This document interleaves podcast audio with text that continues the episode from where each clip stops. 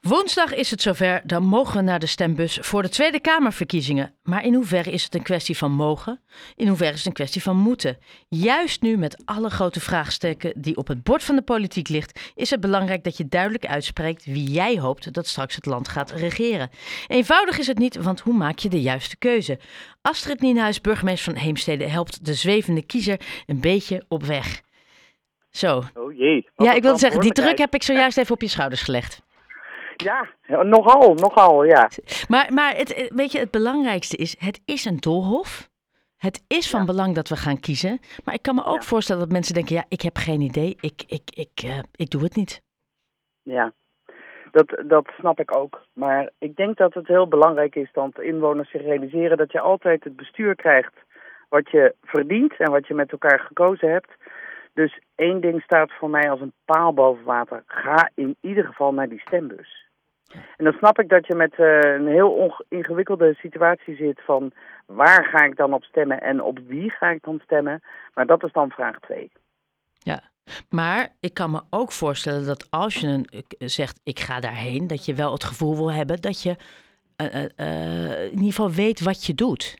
Hoe zorg je ervoor dat zonder dat je al die partijprogramma's door moet spitten, dat je een beetje, een, een, nou ja, in ieder geval met een goed gevoel dat rode potloodje pakt? Nou ja, je, je zou natuurlijk oriënterend altijd kunnen kijken naar, naar uh, de, uh, de, de hulpen die er zijn. Hè? Je hebt de kieswijzer en de stemwijzer en zo zijn er nog een paar. En er zijn ook belangengroeperingen of onder organisaties die bepaalde onderwerpen belangrijk vinden, die specifiek op een specifiek thema zo'n enquête hebben. En die helpen je ook een beetje op weg om, om je keuze te maken. En dan zul je zien dat, ja, dat er toch, ik heb er zelf vier ingevuld, ja. dat er toch bij de top vijf steeds terugkerende namen zijn van partijen die, die daarin terugkomen. Dus ja. dat kan je in eerste instantie een beetje helpen. Ja, want dan heb je in ieder geval idee van uit die 20 heb je dan in ieder geval vijf en daarbinnen. Uh, dat, dat, dat is een mooie. Um, dat versmalt al. Ja, dat, dat scheelt een boel. Heb je er nog steeds vijf over. In hoeverre kijken we uh, nu naar partijen, naar partijprogramma's, naar doelstellingen van partijen? Of gaan we steeds meer op de poppetjes zitten? Nou, ik denk dat er zelfs nog een ander element in, in zit. Maar even op jouw vraag in, ingaand. Ik denk dat het een verzameling is. Je kijkt naar de onderwerpen die jij voor jouw leven, voor jouw leefomgeving, voor jouw doelgroep, uh, misschien wel breder gewoon voor, voor Nederland uh, belangrijk vindt. En ik denk dat het heel erg helpt om, om daar van de longlist van onderwerpen die je heel belangrijk vindt, daar drie of vier uit te pikken waarvan je zegt, en daar ga ik me op concentreren als ik dan ook die vijf partijprogramma's ga lezen. Dus dat, dat kan één ding uh, zijn. Een ander ding is de keuze voor de mens. Op wie breng je je stem dan uit? Uh, nou ja, daar, daar spelen ook andere overwegingen een rol. Uh, van wil ik per se meer vrouwen in de politiek, dan moet je niet op de eerste vrouw op de lijst gaan stemmen. Dan moet je op de eerste, dan, dan moet je op de vrouw stemmen die net wel of net niet uh, gekozen gaat worden op basis van de peilingen. Want die kan je dan een stapje omhoog uh, brengen. Um, wil je juist iemand, spreekt iemand je heel erg aan? Die heb je een keer gehoord in een radio-interview of op tv. Daar heb ik een goed gevoel bij. Daar vertrouw ik iets aan toe. Uh, dus dat, dat kan ook een overweging zijn. Maar elke politieke partij heeft ook zijn basisnormen en waardepatroon. Die als een soort onderlegger onder al die thema's uh, liggen. En die zijn ook belangrijk om mee te nemen. Dus ben je juist uh, meer uh, uh, progressief, of ben je sociaal, of ben je liberaal, of ben je van de harde koers, of ben je meer groen georiënteerd. Ja, ook die waarden die onder die partijprogramma's liggen, die kunnen doorslaggevend zijn voor je besluit. Ja. En, en wat maakt voor mensen kiezen nou zo lastig? Want we hebben in tijden niet zoveel zwevende kiezers gehad. Nee. En ik denk, ik denk eerlijk gezegd dat de zwevende kiezer daar niet zoveel aan kan doen. Wie kan er wel wat aan doen? Mijn persoonlijke. De wijze waarop de politiek omgaat met de uitslag. Kijk, dus we gaan allemaal naar het stembureau op 22 november. En hebben, eigenlijk hebben alle Nederlanders aangegeven: dit is wat wij willen. Ja. En dan is het aan de politiek om daar chocola van te maken, wat de Nederlandse bevolking dan gewild heeft. En dan gaan wij heel snel in politiek Nederland, zeker in de Tweede Kamer, gaan we richting uh, coalitievorming. En dan beginnen we al de eerste groep kiezers uit te sluiten. Doordat je met partijen, bepaalde partijen niet verder praat en die dan niet in de coalitie komen. En dan ontstaat er een dynamiek van coalitie-oppositie tegenover elkaar. Daarmee zet je eigenlijk ook de Nederlandse kiezer tegenover elkaar. Terwijl we met z'n allen gezegd hebben van nou, dit hele palet van 25 partijen, misschien blijven er 21 over na de verkiezingen.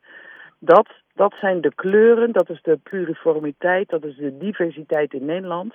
Waarvan wij verwachten dat de Tweede Kamer die hele diversiteit onder de aandacht blijft brengen voor de agenda voor de komende vier jaar.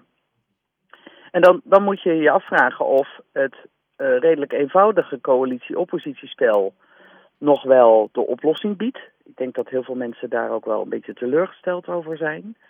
Uh, maar hoe, hoe zorg je dan als politiek dat je blijvend gedurende de volledige vier jaar het gevoel geeft aan kiezers dat ze nog steeds gehoord worden?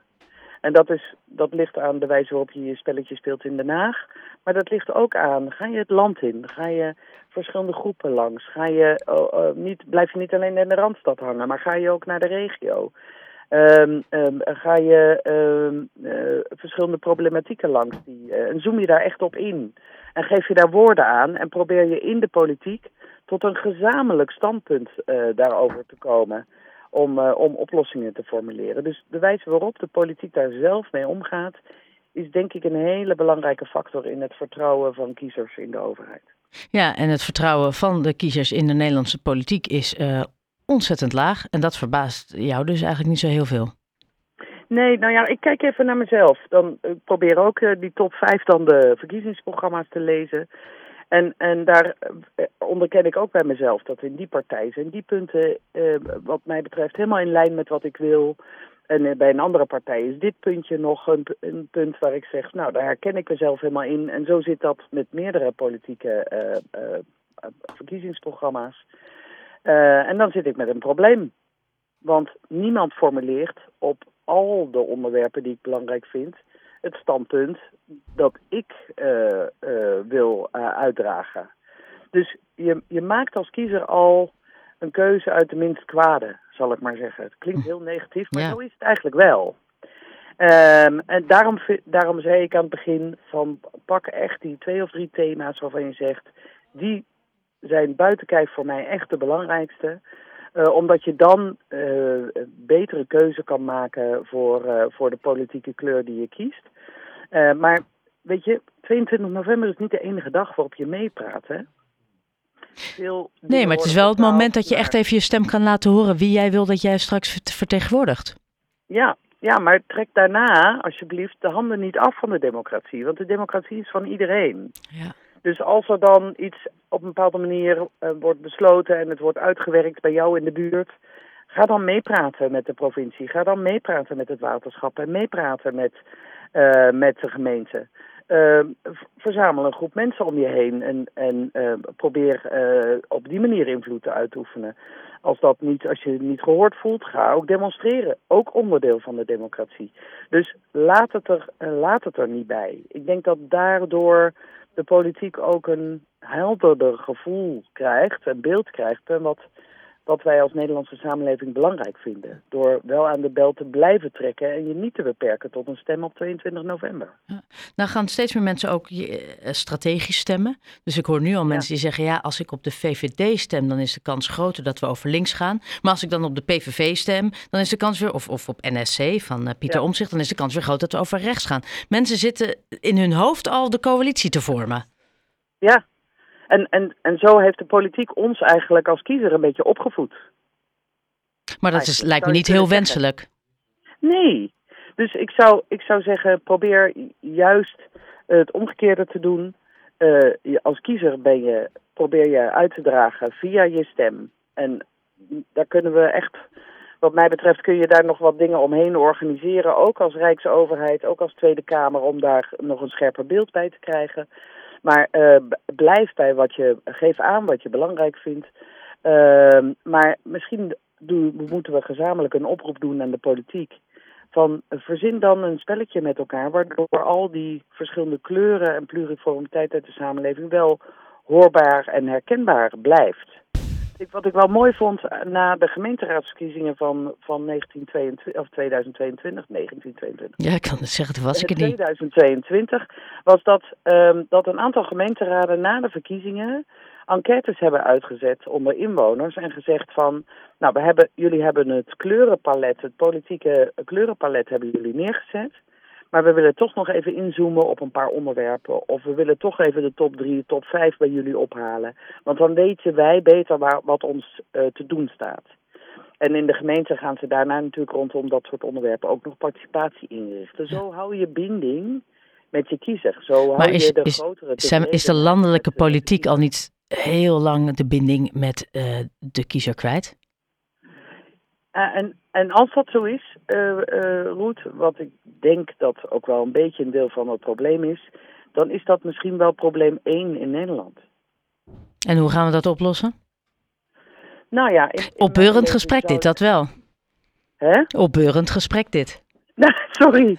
Ja, nee, maar ik, ik gun het, ik gun het Nederland uh, en de Nederlandse inwoners en kiezers dat er uh, dat zij echt gehoord worden voor de dingen die zij belangrijk vinden, waar ze zich zorgen over maken. En, en ik, ik kijk uit naar die dialogen met, met inwoners over dit soort onderwerpen. En wat een ervaringsdeskundigheid en andere uh, technische deskundigheid zit er in die samenleving. Uh, waar je waanzinnig goed gebruik van kunt maken. Dus kom als Den Haag uit die glazen koepel en, uh, en doe je ding met de samenleving.